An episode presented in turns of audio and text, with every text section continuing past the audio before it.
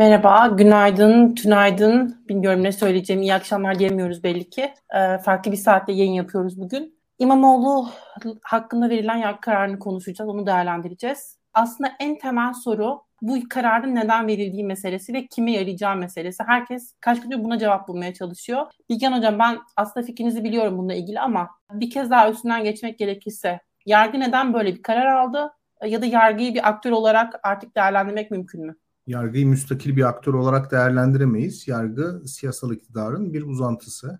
Dolayısıyla davada çıkan karar hukuki niteliği olan bir karar değil. Siyasi sahiplerle alınmış bir karar ve bu kararı değerlendirirken Adalet ve Kalkınma Partisi'nin siyasi ikbaline yapacağı etkiye bakarak değerlendirme yapacağız. Tabii karardan sonra oluşan tablo şu şekilde yorumlandı. Bu tip mağduriyetler işte mağduriyeti yaşayan politikacıların önünü açar diye yorumlandı. Fakat buna katılmıyorum. Çünkü Ekrem İmamoğlu'nun önünün açılması gibi bir durum şu anda söz konusu değil. Çünkü başkan adayı değil. Dolayısıyla bu hamle Ekrem İmamoğlu açısından şu anlamı taşıyor. Başkan adayı olmadığı için alınan bu karar onun başkan adayı olmasının önünü kesti. E, mağduriyeti açıkçası tam olarak yaşayamıyor başkan adayı olmadığı için. Çünkü eğer aday olsaydı Tayyip Erdoğan kendi rakiplerinden birisine siyaset yasağı getirmiş olacaktı. Şu anda Ekrem İmamoğlu'na getirmiş siyaset yasağı aslında hiç kimseye getirilmiş bir siyaset yasağı. Yani baktığımız zaman başkanlık seçimiyle alakası yok. Yani var dolaylı etkileri olacak ama başkanlık rekabeti içerisindeki adaylardan birine getirilmiş bir yasak değil. Ben bu kararın Ekrem İmamoğlu'nun başkan adayı olarak masaya sürülmesini önleyecek bir hamle olarak okuyorum. Çünkü bugün birçok Cumhuriyet Halk Partili hesap, bugün birçok Ekrem İmamoğlu'nun adaylığına karşı olan hesap seçimin ortasında Ekrem İmamoğlu ya yasaklanırsa o yüzden başka adayla çıkmalıyız gibi bir argümana sarılmış durumdalar. Ve bu argümanı mahkeme Ekrem Bey'in adaylığına muhalefet içinde karşı olanlara verdi. Böylece İmamoğlu'nu masaya getirmeye hazırlanan Akşener'in de seçeneklerini kısıtladı. Yani bu karardan sonra artık İmamoğlu'nu masaya getiren Akşener seçim sürecinde yasaklanırsa nasıl yapacağız Meral Hanım? Biz de isterdik ama maalesef bu mahkeme kararı çıktı gibi bir söyleme sarılabilir. Dolayısıyla bu kararın Ekrem İmamoğlu'nun başkanlığını daha aday ilan edilmeden önce engellemek ve altılı masayı aslında tek bir adaya yönlendirmek olduğunu düşünüyorum. Bu kanaatimi spekülatif bir kanaat olmaktan çıkartan gelişmeler de oldu. Mesela dün Milliyetçi Hareket Partisi Genel Başkanı Sayın Doktor Devlet Bahçeli'nin attığı tweetler bu kanaatimizi de güçlendirdi. Bahçeli oluşan tablonun Kılıçdaroğlu'na bir darbe girişimi olarak değerlendirilebileceğini söyledi. Aslında Akşener'in ve İmamoğlu'nun birlikte yaptıkları siyasi hareket muhalefet içerisindeki kurumsal yapıyı, muhalefet içindeki olası gelişmeleri engelleyebilecek nitelikte. Çünkü hükümet kanadı Cumhur İttifakı altılı masadan bence memnun. Altılı masanın somutlaşmayan, halkta heyecan uyandırmayan, hatta bu heyecanı tüketen, bir sene içerisinde de bütün iddialı adaylar yerine en iddiasız adayı öne çıkartan tavrından oldukça memnun ve seçimde karşısında Kemal Kılıçdaroğlu'nu görmek istiyor. O yüzden Ekrem Bey'in adaylığı hem Adalet ve Kalkınma Partisi için çok istenmeyen bir senaryo hem de olası bir adaylık durumunda ve olası bir başkanlık durumunda Cumhuriyet Halk Partisi içerisindeki imtiyazlı konumlarını ya da kendi oligarşik yapılarını, onun dokunulmazlığını kaybetmeyi göze alamayan insanlar için büyük bir tehdit. O yüzden altılı masanın aslında baktığınız zaman Ekrem İmamoğlu alerjisi hükümet tarafından da paylaşılıyor ve Ekrem İmamoğlu'na getirilen yasak hem onun adaylığına karşı olan muhalefette hem de iktidar tarafında olumlu karşılandı. Bu resmi bozan ise Saraçhane'ye vatandaşları çağırması ve Meral Akşener'in otomobiline binip İmamoğlu'na destek vermeye gitmesi ve bunun halkta uyandırdığı heyecan oldu. Şu anda tepki duyulan şey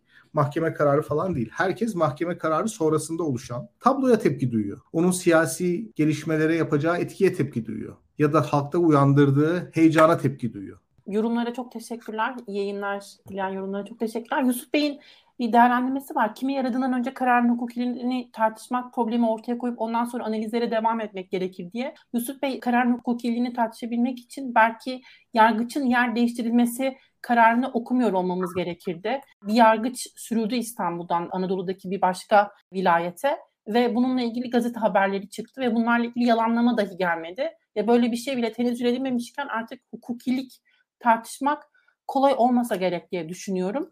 Bir noktaya aslında değinmek istiyorum. İlkan sen yokken Bilgen Hoca ile şeyi konuşuyorduk. Kararın niçin verildiğini çünkü bu kararın hukukiliğini artık tartışmak mümkün değil. Siyasi olduğunu söylüyoruz. Siyasi mahiyetteki bu karar niye verildi ve kimin için kimin e, işine yarıyor meselesini değerlendiriyorduk. Bilgen Hoca'nın fikri Kılıçdaroğlu'nun e, adaylığının e, önünü açması anlamında faydalı olacağı yönünde e, bu kararın. Çünkü seçimlere giderken İmamoğlu'nun adaylığının iptal edilmesini gündeme gelebileceğini söylüyor.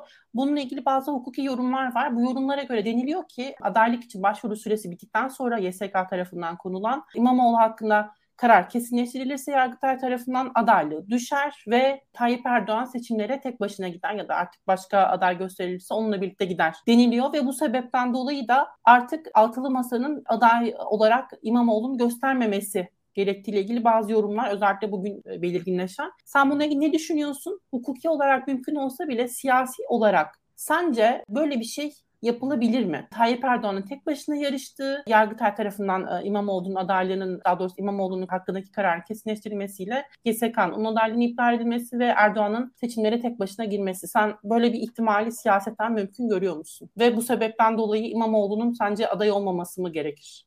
Teşekkürler Maya. Bir defa böyle bir ihtimal yok. Çünkü Türkiye'de seçme ve seçilme özgürlüğü var. Herkes aday olabiliyor yani baktığın zaman. Sonuçta İmamoğlu'nun aday olması demek yani başka bir kişinin İmamoğlu olmayanların aday olmaması anlamına gelmiyor. Herkes aday olabilir bir defa. O yüzden böyle bir sorun yok. Ha belki şu söylenebilir. Eğer seçim ikinci tura kalırsa ve ikinci tura İmamoğlu kalırsa, İmamoğlu'nun kararı o 15 günde yayınlanırsa falan o da yani çok ekstrem bir nokta olur. Hayır ben şunu lazım. söylemeye çalıştım. Şimdi YSK işte süre veriyor ya aday olun şu zamana kadar falan diye. Sonra liste kesinleşiyor. Evet. Cumhurbaşkanlığı aday, tamam. için adaylar belli.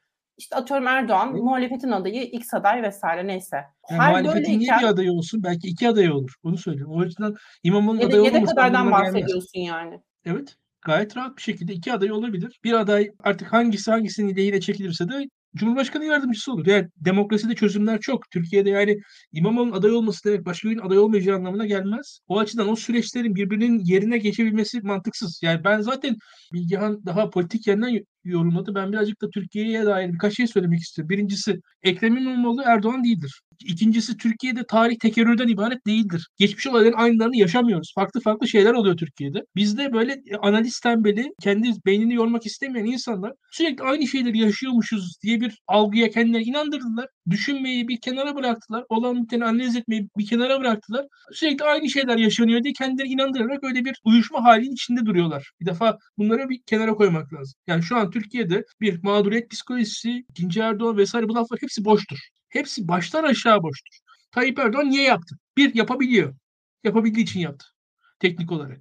Muhalefete şu an Erdoğan zarar verebileceği her yerden zarar vermektedir. Hani Erdoğan'ın muhalefetle eşit şartlarda normal bir oyun oynamaya dair bir niyeti, isteği, çabası olduğunu ben son 10 yılda gördüm mü? Görmedim. Bu olmadığı için zaten madem böyle bir niyet varmış sanki karşımızda en azından bir fair play, centilmenlik ilkelerine göre hareket eden bir lider varmış da biz bunun bunu niye yapmış acaba diye sorgulamamız bana fantastik geliyor. Biz nasıl bir ülkede yaşıyoruz? Hiçbir şey mi farkında değilsiniz? Buradaki muhataplarınız yani açıkçası sanki Ali ile Veli'yi kıyaslıyorlarmış şişasına insanlar. Tayyip Erdoğan'la diğerlerini kıyaslıyorlar. Şaşkınlıkla izliyorum. Şaşkınlıkla izliyorum çünkü şöyle bir illüzyon içerisindeler. Yaşanan 20 yıl unutup sadece X ve Y varmış ve X ve Y arasında bir seçim yapılıyormuş gibi o anlık bir snapshot, bir, bir anlık fotoğraf alıyorlar. Aa demek ki o ya da bu falan. Öyle bir şey yok. Yani 20 yılı var Tayyip Erdoğan'ın arkasında geçirdiği. Biz bunu bilerek yaşamamız lazım. Bilerek analiz etmemiz lazım. Biraz gerçekçi olalım. O yüzden karşımızda bir %100 rasyonel bir aktör yok. Sonuna kadar centilmenliği bozan bir aktör var. Seçimler yeniden de daha geçmişte gördük. Ve bu her kararı tabii ki rasyonel değil. Her kararın sonucunda başı kazanmıyor ama her zaman bir karar alıyor. Her zaman bir şeyler yapıyor. Her zaman yani Türkiye'de şu an söyleyelim ekonomik olarak mesela kredi garanti fonu vardı. Çok mu rasyoneldi? Bence değildi. Ekonomiye zarar verdi mi? Verdi. Bugünkü enflasyonun arkasında etkisi var mıydı? Var. Ama seçim kazandırdı mı? Kazandırdı. Yani KGF'leri unuttuk şu anda. Geçen sene ne konuşuyorduk? Kur korumalı mevduat. Çok mu rasyonel bir şey değil. Şu an Türkiye'de bir saatli bomba var ekonomide. Açık konuşayım. E bunun kurulması, kuran hükümet e çok mu doğru bir şey değil ama yapıyor yani. Hükümet her zaman bir şeyler yapıyor. Karşımızda bir şeyler yapan bir hükümet var. Sonuçlarına geleyim. Orada belki bir yandan biraz ayrılabilirim. Sonuçların ne olacağını belirleyecek şey bizim yapacaklarımızdır. Bizim yapacaklarımız neyse sonuçlar da öyle ortaya çıkacaktır. Ekrem İmamoğlu'nun yapacakları, Kılıçdaroğlu'nun yapacakları, halkın yapacakları bunların sonuçları belirler. Hiçbir şeyin sonucu belli değil. Öyle Tayyip Erdoğan her şeyi geleceği tayin etme gücüne sahip değildir. Herhangi bir karar sonucunda Türkiye'nin önünü Tayyip Erdoğan, yani Türkiye geleceğini yolunu çizemez. Böyle bir şey yok. Açıkçası hakikaten yayınları haftada bir gündüz yayını yapmak istiyoruz. Moderatörlerimizin de zamanı uydukça Bilgehan'la buluşabilirsek ben bu gündüz yayınlarını geçmek gerektiğini düşünmeye başladım. Geçen günkü yayının da etkisiyle umarım kitlemizde gündüzlerde buluşmaya devam ederiz. Devam edeyim. Bundan sonra ne olacağı, kimin önde çıkacak, kimin arkadan geleceğini açıkçası halk belirleyecektir. Toplumsal tepki önemli. Şu an Türkiye'de ben bu konuda Şule Çet'in davasını örnek gösteriyorum. Şule Çet feministler olmasaydı intihar etmiş bir genç kadındı feminist mücadele sonucunda şu an onun katillerine cezalar verildi. Çok nettir bu olay. Şu an Türkiye'deki vatandaşların tepkisi sonuçları belirler diye düşünüyorum. Gayet önemlidir, gayet etkindir. Bu iş Ekrem İmamoğlu, Kemal Kılıçdaroğlu şu bu meselesi hatta bence aday meselesinin de ötesinde tepkinin yoğunluğu bu enerjinin yoğunluğu birçok şeyi belirleyecektir diye düşünüyorum. Kendi adıma ciddi hayal kırıklıkları içerisindeyim. Türkiye'de insanların ben rahat olduğunu görüyorum. Yani insanların çok böyle dertsiz olduğunu hissediyorum nedense. Kendimi biraz şaşkınca görüyorum olan biteni izlerken. Bir, birileri Ekrem İmamoğlu'nu birine benzetiyor. Diğer taraftan muhalif aktörlere karşı diğer muhalifler çok rahat, çok ağır sözler söyleyebiliyorlar. Yani ülke sanki çok rahat bir ülke. Ülkede sanki bizim bu kadar sorunsuz, sınır, yani dersiz bir yerde yaşıyormuşuz da açıkçası muhalefetin ufak tefek sıkıntıların hepsini bağıracak yani bu kadar rahat tepki gösterebilir haldeyiz. Onun şaşkınlığı içerisindeyim bir defa onu söyleyeyim. Şu geçen süreç bana onu hissettirdi. Bunun dışında ne olur? Ne olur sorusu tabii önemli. Burada biraz kamuoyunun tepkisi belirleyecek diye düşünüyorum her şeyi. Aday süreci, adaylar süreci yine kamuoyunun tepkisi üzerine belirlenecek. Ve şunu da söyleyeyim. Yargı da iş, işte istinaf, yargıtay vesaire temiz süreçlerinden bahsediliyor. O konularda tartışmalar var. Ama o tartışmaların da gayet net bir şekilde kamuoyunun tepkisi, yoğunlaşacak tepkisiyle beraber belirleneceğini düşünüyorum. Kamuoyu ne kadar tepki gösterirse o kadar etkili olur. Yargı üzerinde de Türkiye'de durum böyle. Açık konuşalım. Yani şu an Türkiye'de yargıya halkın baskı yapması gerekiyor. Öyle ya da böyle. Bunun başka bir adı yok. Yani şu an Türkiye yargıya toplumsal bir baskı gerekiyor. Etkili olur mu? Olur. Olur. Türkiye'de yargıya baskı etkili olur. Hep oldu. Yani bugün Adalet ve Kalkınma Partisi kapatılmamışsa zamanında yargıya olan baskı neticesinde kapatılmamıştır. Adalet ve Kalkınma Partisi'nin kapatılma davası açılmıştı zamanında. Herkes hatırlar. En azından benim yaşımdakiler hatırlar. Yargıya olan baskının sonucunda aa ne oldu dedi kapatılma. Türkiye yargısı baskının sonucunda kararlarını değiştirebilen bir yargı. Eğer o baskı olmazsa Ekrem İmamoğlu siyasi hayatında bitebilir. Hiç şaşırmam. Yani Tayyip Erdoğan'ın aynı hikaye falan öyle bir hikaye yok. Öyle bir durum yok. Yani öyle bir yani şu anki şartlar var. Bu, şu anki şartlarda bir mücadele gerekiyor. Yani şu oldu bu oldu bundan sonra elimizde bir piyango falan çıkmayacak kimse. Yani şu an kimseye bir iktidar gelmeyecek. Kimseye bir cumhurbaşkanlığı verilmeyecek. Hiç kimse öyle rahat bedavaya bir mutluluk yok. Şu an biz yayına ne, yayına ne adını verdik? Ekrem İmamoğlu kader yolculuğu başladı. Daha bugün başlıyorlar. Hiç kimse bir şey kazanmadı şu an. Hiç kimse bir şey kazanmadı. Daha bugün başlıyoruz. Yani her şeyin başındayız. Hatta şunu söyleyeyim bakın seçim kazanıldığı gün daha başlıyoruz. Başlıyoruz diyeceğim daha. 2023 Haziran'ında ben daha yeni başlıyoruz diyeceğim. Bu iş öyle kolay değil. Bir soru vardı az önce. Cumhurbaşkanı seçildikten sonra Cumhurbaşkanlığı görevinden alınabilir mi? Hakkındaki karar onu alınırsa diye. Böyle bir şey Ama mümkün değil hukuken. Mümkün değil. Onu vurgulamış olduk. İşte bu Perşembe günü İmamoğlu ve Akşener'in verdiği tepki aktörlerin eylemlerinin sonuçlarını kontrol edememesine çok güzel bir örnek. Komplocular bir olay bittikten olup bittikten sonra, olay gerçekleştikten sonra sonuçlara bakarak sebepleri tayin ettikleri için ve sonuçlar da zaten ortada olduğu için kusursuz bir teoriyle ortaya çıkarlar. Yani zaten olay gerçekleştiği için ve sonuçlar belli olduğu için kusursuz bir teoriyle ortaya çıkarlar ve her teori kusursuz olur. Sonuçlarına bakarak sebeplere gittiğiniz zaman her teori kusursuz olur. Ama hayatta olay gerçekleşirken o kadar fazla değişken, o kadar fazla aktör ve o kadar fazla etkileşim olur ki bunları kontrol etmeniz yani düğmeye bastığınız zaman ulaşabilecek sonuçların tamamını kontrol etmeniz mümkün olamaz. Yani ortaya çıkan sonuç aslında murad edilen amacın sonucu değildir. Ortaya çıkan sonuç amaç kadar amaca verilen tepkilerin de sonucudur. Yani bugün eğer Ekrem İmamoğlu bir tweet atsaydı, Akşener'de kuru bir tweetle geçiştirseydi muhtemelen bizim gündemimiz başka türlü bir gündem olacaktı. Yani Ekrem İmamoğlu'nun Cumhurbaşkanlığı masasına, altılı masanın Cumhurbaşkanı adayı olma sürecine girmesi zorlaşacaktı. Muhtemelen de unuturduk yani. Şu aşamada da Ekrem Bey'in vereceği tepki, toplumun vereceği tepki işte bu eyleme, bu harekete ya da bu politikaya yön verecek ve onun sonuçları üzerinde belirleyici olacak. Yani hiç umulmadık bir yere evriliyor. Şimdi çok garibimize gidiyor değil mi? AKP'li hesaplar yargı kararını eleştiriyorlar. Şimdi yargı kararını sanki ben verdim. Sanki yargı bana bağlı. Sanki yargı muhalefete bağlıymış gibi ya da bağımsız bir yargı varmış gibi tepki gösteriyorlar. Tepki gösterdikleri şey şu. Yargı hükümete bağlı. Hükümetten emir alıyor. Bu kararı kendileri istediler. Onları mutsuz eden şey kararın kendisi değil. Karar sonucunda ortaya çıkan tablo. Bu yüzden mesela hiçbir şeyi sorgulamadan mesela karar kararı sorgulamadan kimi sorguluyorlar? İmamoğlu ve Akşener'i sorguluyorlar. Mahkemenin bu kararı alması konuşulmuyor. Kılıçdaroğlu'nun Berlin'e gitmesi konuşulmuyor. Bunların hepsi doğru ya da yanlış şekilde değerlendirilmiyor bile. bile. Yanlış olan ne? İmamoğlu'nun halkı belediyeye çağırması ve Akşener'in ona destek olmaya gitmesi. Muhtemelen bu kompozisyondaki tek doğru eylem bunlar. Ama murad ettikleri sonucu üretmediği için onlar için en yanlış eylem bu. O yüzden kimliklendirmeye başlıyorlar. Yani dikkat edin mahkeme kararı yanlış diyen, mahkeme bağımsız karar aldı falan diyen bir bir AKP'li yok. Kabahati İmamoğlu ve Akşener'e yüklüyorlar. Darbecilikte falan suçluyorlar. Ya da Kılıçdaroğlu'nun Berlin'de ne işi vardı diyen de yok. Ya bunlar hiç konuşulmuyor. Asıl bu meseleyi bu hale getiren iki tane değişken var bence. Mahkeme kararı ve Kemal Bey'in Almanya'da oluşu. Verdiğiniz örneği düşününce bir başka e, teori ortaya çıktı. Deniliyor ki Kılıçdaroğlu'na komplo kuruldu. O Berlin'deyken işte İmamoğlu ve Akşener'in buluşması denk getirildi. Bilmiyorum ne söylersiniz? Böyle bir açıklamanın bir anlamı var mı? Ya da Akşener ve İmamoğlu artık bağımsız mı hareket etmeye başladı? Ve biz artık altılı masanın yavaş yavaş ayrıştığını kamuoyunu daha yoğun bir şekilde görmeye başlayacak mıyız? Yani var mı sence? Yani mahkemenin olacağını hepimiz biliyorduk. Ben Ankara'da yaşayan bir akademisyenim ve mahkemeden siyasi yasak karar çıkacağını geçen ay öğrenmiştim mesela AKP'li arkadaşlarımdan. Ya ben öğrendim. Bana söylediler. Hocam o işi unutun mahkemeden yasak çıkacak diye. Ben öğrendim. Bir akademisyenim. Yani sadece kişisel sempati kanallarım var yani arkadaşlarım var. Onlar bana söylüyorlar. Karar duruşması olacağı belli. Toplumun buna tepki vereceği, mutsuz olacağı belli. Ortaya bir siyasi enerji çıkacağı belli. Cumhuriyet Halk Partisi liderinin yurt dışı programlarını ben yapmıyorum. Cumhuriyet Halk Partisi Genel Merkezi yapıyor. Yani bütün bu belirlilikler ortadayken yani 14'ünde karar duruşması var.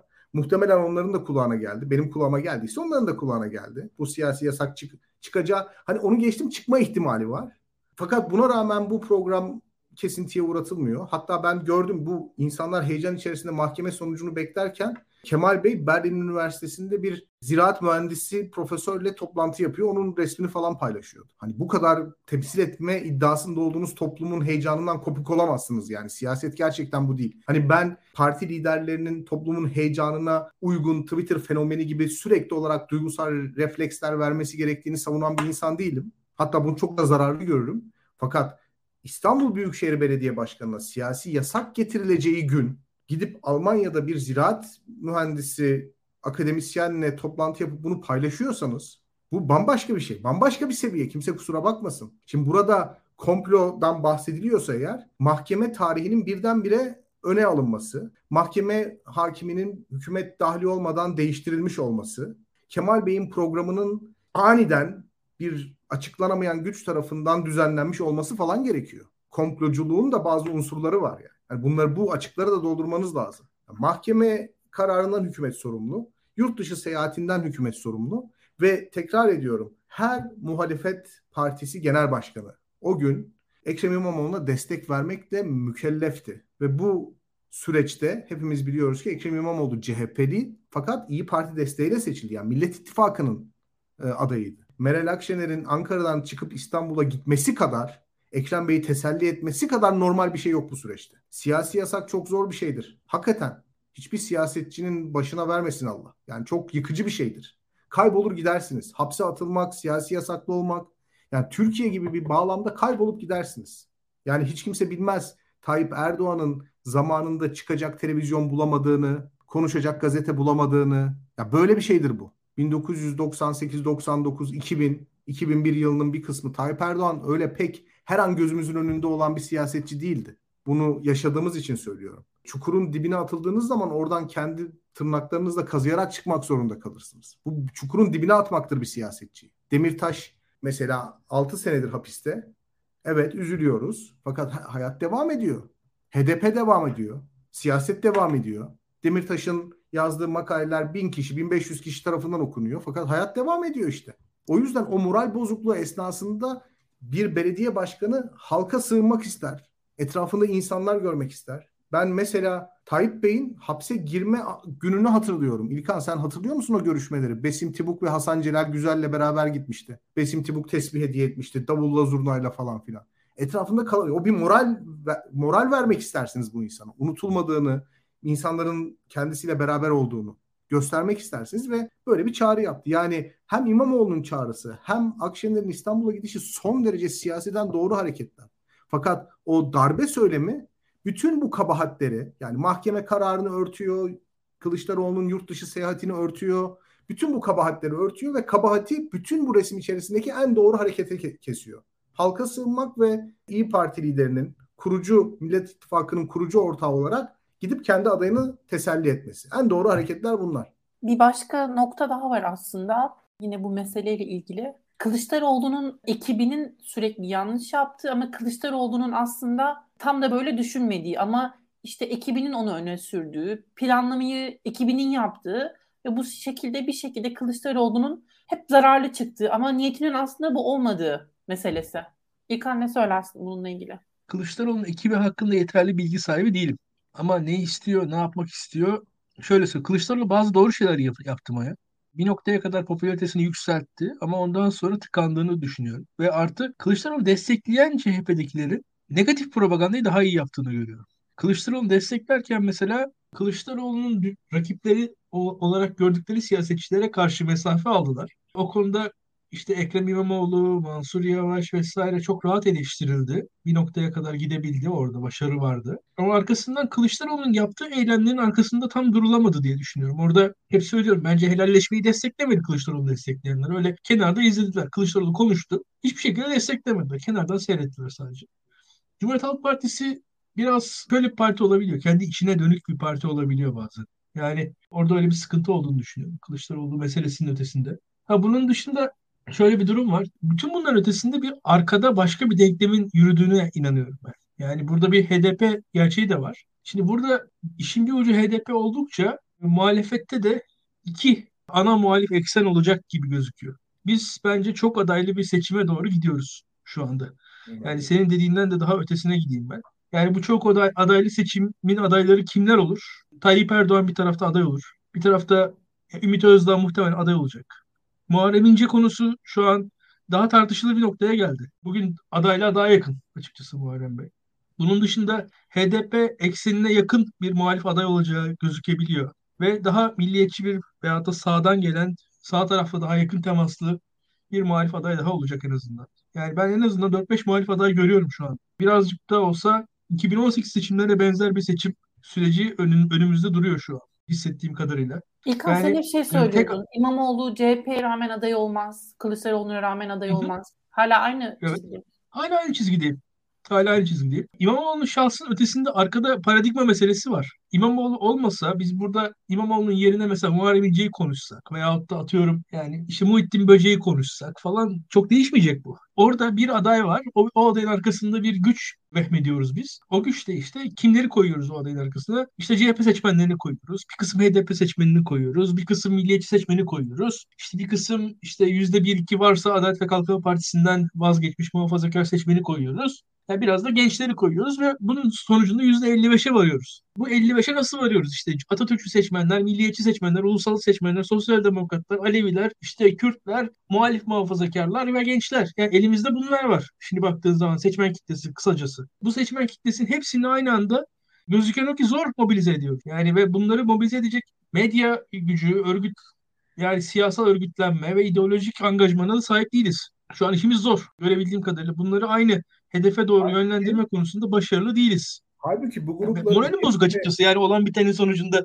e, izlediğim kadarıyla bu şu an gerçekten de muhalefette %60'a varan bir kitle var. Ama o %60'a varan kitleyi beraber organize edecek, beraber bir yere yönlendirecek bir yapıya sahip değiliz. Siyasal örgüt olarak, ideolojik angajman olarak, aydınları olarak, liderleri olarak düşündüğüm bu. Halbuki bu kitleleri teker teker seferber edip ya da bazılarını daha aktif bir şekilde seferber edip diğerlerinin üzerine sürmek yerine bu kimlikleri, bu farklılaşmayı bypass eden, bütün toplum kesimlerinin üzerinde uzlaştığı problemleri gündeme getiren, olabildiğince bu müşterekleri çoğaltmaya çalışan ve kendi kişiliğinde herhangi bir grubu çok mutlu da etmeyen, çok mutsuz da etmeyen, böyle büyük bir gelecek inşası tasavvuruyla, çok iddialı söylemlerle ortaya çıkmayan bir aday üstünde anlaşabilirdik bir sene önce. Bu aday Kemal Bey de olabilirdi. Yani bu aday Kemal Bey de olabilirdi. Bundan bir sene önce, bir buçuk sene önce Kemal Bey de İyi Parti ile, kendi belediye başkanlarıyla oturup başkan olmak istediğini, bunun içinde çok fazla kimlik gruplarını tahrik etmeden, daha doğrusu oraları kaşımadan, onları seferber etmeden bir seçim süreci yürütülmesi gerektiğine ikna edebilirdi ve muhtemelen destek de alırdı. Fakat biz muhalefetin iktidara karşı yürüttüğü mücadele kadar Kemal Bey'in de diğer adaylara karşı öne çıkmak için yürüttüğü bir mücadeleyi izledik. Bence helalleşme söylemi muhalefetin daha çok oy alması için dile getirilen bir söylemden ziyade Kemal Bey'in öne çıkmak için diğer adaylar karşısında daha popüler hale gelmek için benimsediği bir söylemdi. Bir anlamda geleneksel tabanının kentli, seküler, daha apolitik ama muhalif olan yani apolitik ama muhalif dediğim yani siyasette çok fazla ilgilenmeyen ama tabirimi hoş görün. Kemal Bey'in tabiri tıpış tıpış gidip oy veren benim gibi yani. Hani muhalefet kimi çıkartırsa gidip oy veriyoruz ya. Bu seçmenin kuşatılması durumunu izledik. Şu anda bizim sosyal medyada gördüğümüz reaksiyon ya da Cumhuriyet Halk Partisi'ne karşı verilen reaksiyon aslında bu unutulan, temsil edilmeyen ve bir şekilde göz ardı edilen helalleşme söylemi vesilesiyle de daha toplumun romantik aktörleriyle birlikte bu merkezi kuşatan anlayışa karşı bir isyanı yansıtıyor. Böyle olmak zorunda değildi. Yani ne yaparsan ne yaparsak yapalım kabul edeceksiniz. Ali'yi de çıkartabiliriz, Veli'yi de çıkartabiliriz. Masaya istediğimizi alırız, istediğimizi almayız gibi bir tavra karşı Ekrem İmamoğlu açıkçası bir toplumsal desteğe sahip. Bu İmamoğlu olduğu için değil bu arada. Yani Ekrem İmamoğlu olduğu için değil. Yani bizzat Ekrem İmamoğlu sevgisinin de çok böyle fanatik derecede yüksek olduğu kanaatinde değilim. Ama yani şu görünüyor ki temsil edilemeyen kesimler, temsil edilemediklerini düşünen kesimler bir şekilde yeni bir kayıp yaşamamak için ya da elit odaklı, seçkinler odaklı siyasette kendilerine yer bulamadıkları için bir yere sığınmak zorunda hissediyorlar kendilerini. Bu böyle bir şey. Hocam şunu da hissediyorlar. Referandumu, daha önceki Cumhurbaşkanlığı seçimini, kaç seçim var arada ve üstelik kaçında biz inanılmaz küçük farkların olduğunu konuştuk. Kaçında biz muhalefetin bununla ilgili hiç harekete geçmediğini konuştuk. Kaçında biz muhalif liderlerin değişmemesini konuştuk ve bunun da aslında bir sonucu bence harekete geçme meselesi. Muhalif liderleri bırak sandık güvenliğinden sorumlu adam bile değişmiyor Cumhuriyet Halk Partisi. Yani sistemin çökmesi vesaire hepsi aynı. Ya bugün her muhalif kaybettiği seçimden sonra oyların çalındığını söyler, mızmızlanır. Her muhalifin kafasında da büyük bir proje vardır. Şu değişsin, bu değişsin. Ya sandık güvenliğinden sorumlu adam başarısız olmasına rağmen Cumhuriyet Halk Partisi'ndeki yerini koruyor mesela. Ya bu ilginç bir şey değil mi? Ben adamı tanımam etmem ama Şimdi biz daktilo olarak bu seçim güvenliği meselesini çalışıyoruz. O vesileyle birkaç şey okudum. Yani muazzam yani çok ciddi sandık güvenliği sorunları oldu 2017 referandumunda. Yani mesela muhalefet partilerinden hesap sormak bu vatandaşın hakkı değil mi? Yani bu yani her seferinde yeni bir bilgisayar programı ve application yapıyorsunuz. Fakat 10 bin sandığa müşahit gönderemiyorsunuz. Yani burada bir sorun var. Ve bu sorun olmasına rağmen o kişi yerini, pozisyonunu koruyabiliyor siyaset içerisinde. Yani başarısızlığın cezalandırıldığı değil, başarısızlığın ödüllendirildiği bir mekanizma ki bunu oligarşi diyoruz zaten. Üstelik bu kadar bu kadar fazla avukat hazırken görev yapmaya, yardımcı olmaya bizzat şahidim. Hatta işte bu seçimlerde şimdi Baro Birliği, Türkiye Barolar Birliği'nin başkanı da değişti biliyoruz. İstanbul Hı. Barosu, zaten İstanbul Barosu, Ankara Barosu, büyük şehirlerin baroları yine muhalif kişilerden oluşuyordu bir şekilde ama Barolar Birliği'nin başkanı da değişti. Yani aslında herkes elinden gelen desteği sunmaya hazır. Yalnızca bunu hangi kanalda sunabileceğini göstermiyor. Sizin bu heyecan yorumunuza ilişkin belki ben de bunu eklemiş olayım. Bir izleyici yorumu var. Sayın Akyol şey meselesi bu karar duruşması olup olmayacağı meselesi. Hukuk devletini tartışamıyoruz ya artık. Yani hukuktan bahsetmiyoruz ya. Mesela normalde de işte Yargıtay'ın, İSİNAF'ın, sürelerin e, bunlarla ilgili de bir sürü fikrimiz var. Ama artık bunların hepsi masadan kalktı. Bunun bilinciyle yorum yapmanın gerekli olduğunu söylemek lazım. Akşam bir program yapacağız e, anayasa hukukçusuyla, Volkan e, Volkan Hoca'yla. E, orada da belki dinlersiniz. Aslında biz hukuktan çok uzaklaştık ve başka bir şey konuşuyoruz artık. Bunun bilincinde olmak lazım. Yani ilk duruşmada da karar duruşması yapılabilir. Artık hiçbir engel yok. Çünkü yasa ya biz yasa devleti bile değiliz, kanun devleti bile değiliz artık. Ne yazık ki. Burada önemli bir nokta var. Onu aslında sormak istiyorum Bilgen Hoca, Bilgen Hocam size. Altılı Masa'nın e, bir araya gelmesi ve bu mitingi yapması e, ikinci günde. Bu da aslında bir garip e, durum belki. Bilmiyorum siz nasıl değerlendiriyorsunuz. Akşener'le İmamoğlu zaten otobüsün üzerine çıkıp hemen bu bunun üzerine bir konuşma yaptılar. Sonra geri kalanlar da dışlanmamış hissetsin diye mi acaba Aynen öyle.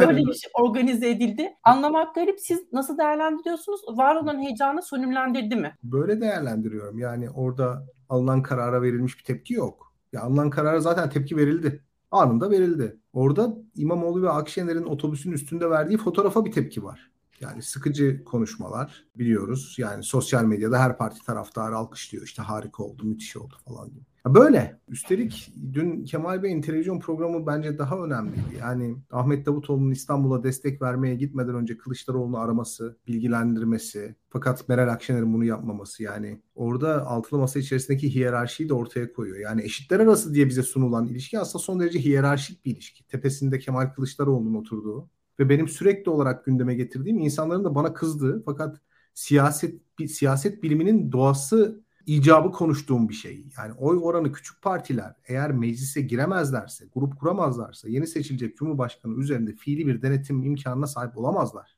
Mümkün değil. Yani hiç kimse seçimden 6 ay önce imzalanan bir metne uyacağım diye kendi yetkilerini 0.3 oy almış bir parti genel başkanıyla paylaşmaz. Mümkün değil.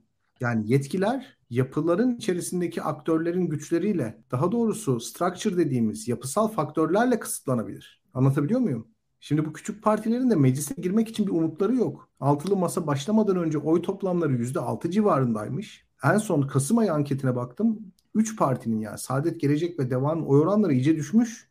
%2'ye düşmüş ve aldığımız cevap bunu söylediğimiz zaman oy her şey değildir. Oy her şeydir. Yani geçen pazartesi günkü programda da söyledim yani. Deva oyunu düşürüyor. Gelecek oyunu düşürüyor. Saadet oyunu düşürüyor. Nasıl kazanacağız bu seçimi? Kim alacak bu oyları? Nasıl yapacağız? Yani siz oy almadan meclise girmenin bir yolunu bulmuş olabilirsiniz kafanızda. Bunu düşünüyor olabilirsiniz. Bu noktada da Kemal Bey size çok yardımcı olabilir. Bence de siyaset sistemin içerisinde kalmak zorunda bu partiler. İyi olur. Yani bu sesleri duymamız iyi olur. Fakat ortada çok net bir gerçek var. Bunu da inkar etmeyelim. Bu partilerin müstakil olarak Cumhurbaşkanı adayını belirleme hürriyetleri bu noktada askıya alınmış olur. Çünkü başka bir partinin hamiyeti sayesinde meclise girmiş olacak. Kendi oy güçleri sayesinde değil. Böylece Kemal Kılıçdaroğlu'yla başkan adayının kim olacağı konusunda çatışamazlar. Mümkün değil. Orada altılı masa yok. ikili masa var. Ya bunu söylemek lazım. Altılı masanın fiilen çatırdadığı, fiilen konuşulmadığı, konuşmadığı, konuşmaktan imtina ettiği, konuşanları da bir şekilde hani ayıpladığı konuların hepsi işte iki günde masanın üstüne geldi. Geleceği konuşalım şimdi. Uğur Dündar'ın yazısı vardı reste resti aslında öngördüğü hemen İmamoğlu aday gösterilmeli gerisini iktidar düşünsün diye. İlkan sen ne diyorsun? Sence doğru tavır bu mu oldu şu noktada? Yapılması gereken şey bu mu sence? Geleceğe bakmak gerektiği konusuna katılıyorum ama resteres falan çok benim tarzım değil yani o, o başka bir şeydir. O konuya girmeyeyim ben izninle. Ama geleceğe çok bakalım. Çok özür dilerim. Resteres derken şey muhalefet içi demek istemedim. İktidara karşı yani. Onlara rest olarak ya, hani. Tamam tamam. Yani, iktidara da yani iktidar bu yani iktidarın hamlesi zaten meşru değil. O yüzden iktidarı ben tam anlamıyla demokratik bir muhatap olarak görmüyorum şu an. Biraz daha ileri gideyim hatta. Yani daha radikalim belki de o açıdan. Şöyle anlatayım. Bir defa iyimser olarak konuşayım birazcık muhalefet diyelim oyu %90'a çıktı. Muhalefet 3 tane cumhurbaşkanı seçtiremeyecek. Bir tane seçtirecek. Bir avantajımız bu. Yani seçimi diyelim muhalefet kazandı. 8 cumhurbaşkanı, 6-5 tane cumhurbaşkanı falan olmayacak. Belki cumhurbaşkanı yardımcısı falan atayabilirler 5-6 tane ama yani bir defa böyle bir durum var. İkincisi seçim sistemi değişti. Çok ciddi ittifak gerekiyor. Yerelde ittifak gerekiyor. İl il ilçe ilçe ittifak gerekiyor. Yani şöyle söyleyeyim size. Ya muhalefetin bir partisinin Bursa'da İnegöl'den İnegöl'de bir vekil adayı göstermesi lazım. Diğer partisinin Gemlik'te bir vekil adayı göstermesi lazım. Böyle dikkatli bir seçim yapılması gerekiyor. Yani atıyorum yani birisi açıkçası Afyon'dan aday gösterdiği zaman Afyon merkezden öbür partinin muhalif birinci sıra vekil adayının belki de Bolvadin'den olması gerekiyor. O tarz dengelerin ilçe ilçe neredeyse dengelerin gözetilmesi gerekiyor. Vekil adayı listesinde. Devam edeyim. Bu listeler çok önemli. Bu listeler kötü yapılırsa muhalefeti esasen bence asıl mecliste bir hezimet bekliyor. Evet. Yani aynen öyle. Farkına varmak gerekiyor. Şu an muhalefet parçalı. Herkes nedense meclisi muhalefet alır. iktidarı, pardon Cumhurbaşkanlığını Tayyip Erdoğan alır diye bir saçma sapan bir algıyı Adalet ve Kalkınma Partisi aktif bir şekilde propaganda yaparak yönetti. Anlamadığım bir şekilde. Nedense tüm dünya, Türkiye hariç buna inanıyor. Ve hatta bayağı inanan var. Türkiye'de inanmaya başlandı buna. Ve nedense meclisi muhalefet alır.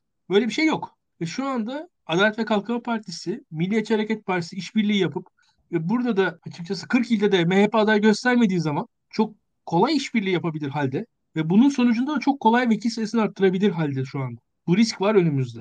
Yani ve muhalif partiler devam edeyim. Yeniden Refah, Yeniden Refah, Zafer Partisi gibi ittifak dışında parti. Memleket Partisi gibi nerede olacağı belli olmayacak. O, şu an için belli olmayan partiler. Sol partiler. HDP ve HDP'nin yanında tipin ne olacağını bile bilmiyoruz. HDP %1, 1,5 oyu olduğu söyleniyor. Devam edelim. Cumhuriyet Halk Partisi, Deva Partisi, Gelecek Partisi, Demokrat Parti nasıl bir liste oluşacağı belli değil. Bütün bunlar İyi Parti zaten yani şu anda hakikaten çok dağınık durumda.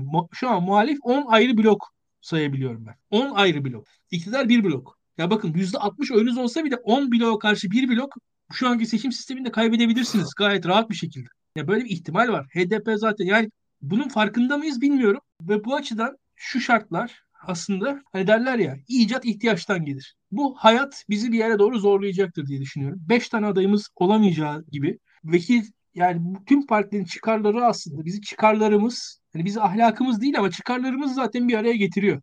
Bizi tüm muhalifleri, muhaliflerin çıkarları bir araya getiriyor açık konuş. Yani bugünkü Türkiye muhalefet kazandığı zaman açıkçası çok daha Atatürkçü, çok daha Kürtlerin haklarına saygılı, çok daha feminist bir Türkiye olacak. Ya çok daha milliyetçi de bir Türkiye olacak aynı zamanda. O hepsi olacak açıkçası. Olma ihtimali var. Şöyle bir saçma sapan iktidar gittikten sonra zaten birçok şey düzelecek. Ekonomi düzelecek, paramızın alım gücü artacak, borsamız yükselecek. Muhalefetin seçimi kazanmasının bizim için çok fazla getirisi olacak. Bu getiriler eminim ki kişisel çıkarları, bu beceriksizlikleri falan aşacaktır. Ben o açıdan iyimserim.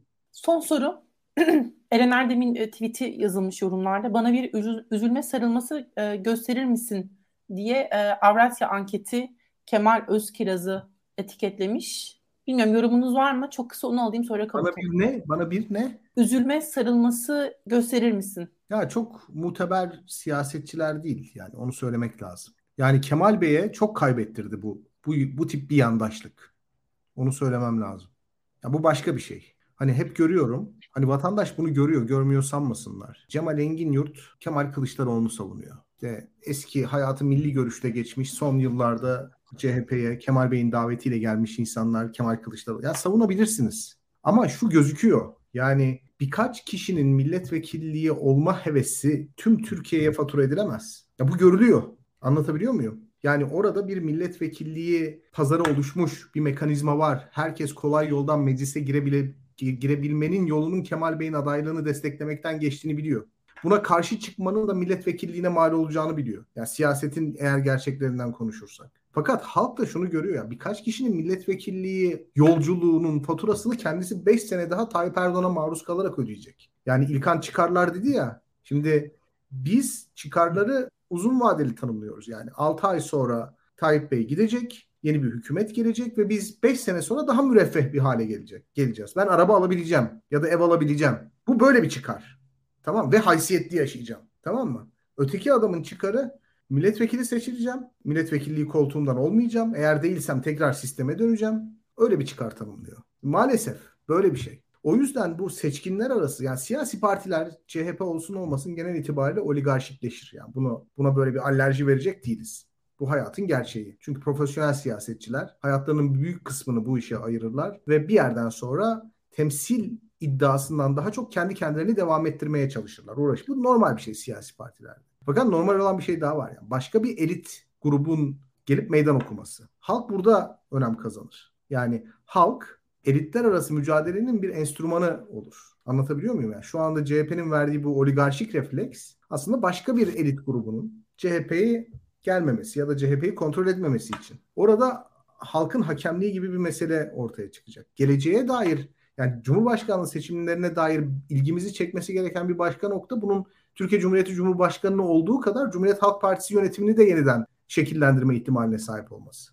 Ve biz 2014'te 2018'de Ekmelettin İhsanoğlu ve Muharrem İnce meselelerinde aslında bambaşka şeyler yaşadık. Bunu pek kamuoyu bilmez. Yani MHP oligarşisinin kendisini savunma eğilimi Ekmelettin İhsanoğlu'na aday yaptı. Yoksa başka birisi aday olacaktı. Yani 2014'te muhtemelen Meral Akşener aday olacaktı. 2018'de Muharrem İnce'nin adaylığı ve sonrasındaki gelişmeler bize adaylık konusunun nasıl görüldüğünü, nasıl algılandığını da gösteriyor aslında. Yani partiler adaylık üzerinden, Cumhurbaşkanı adaylığı sürecinden kendi iç işlerini halletme eğilimine sahipler. Bunu gözden kaçırmayalım. Kurumsal muhalefete çok inanırım. Çok gerekli bulurum. Marjinalleşmenin önünde bizi koruyan şeydir kurumsallık. Fakat kurumsal muhalefetin aynı zamanda temsil sorunu da vardır. Bunu da söylemek lazım. Eğer bunu şey yapamazlarsa, bunu gideremezlerse çok bu elitler arası değişimde halkın sahneye çıkması kimseyi çok şaşırtmasın. İlkan son notların var mı? Yok. İzleyen herkese çok teşekkürler o zaman. Lütfen e, paylaşmayı unutmayın, e, beğenmeyi unutmayın. Akşam zaman olursa e, saat 10'da anayasa tartışması yapacağız. Görüşmek üzere.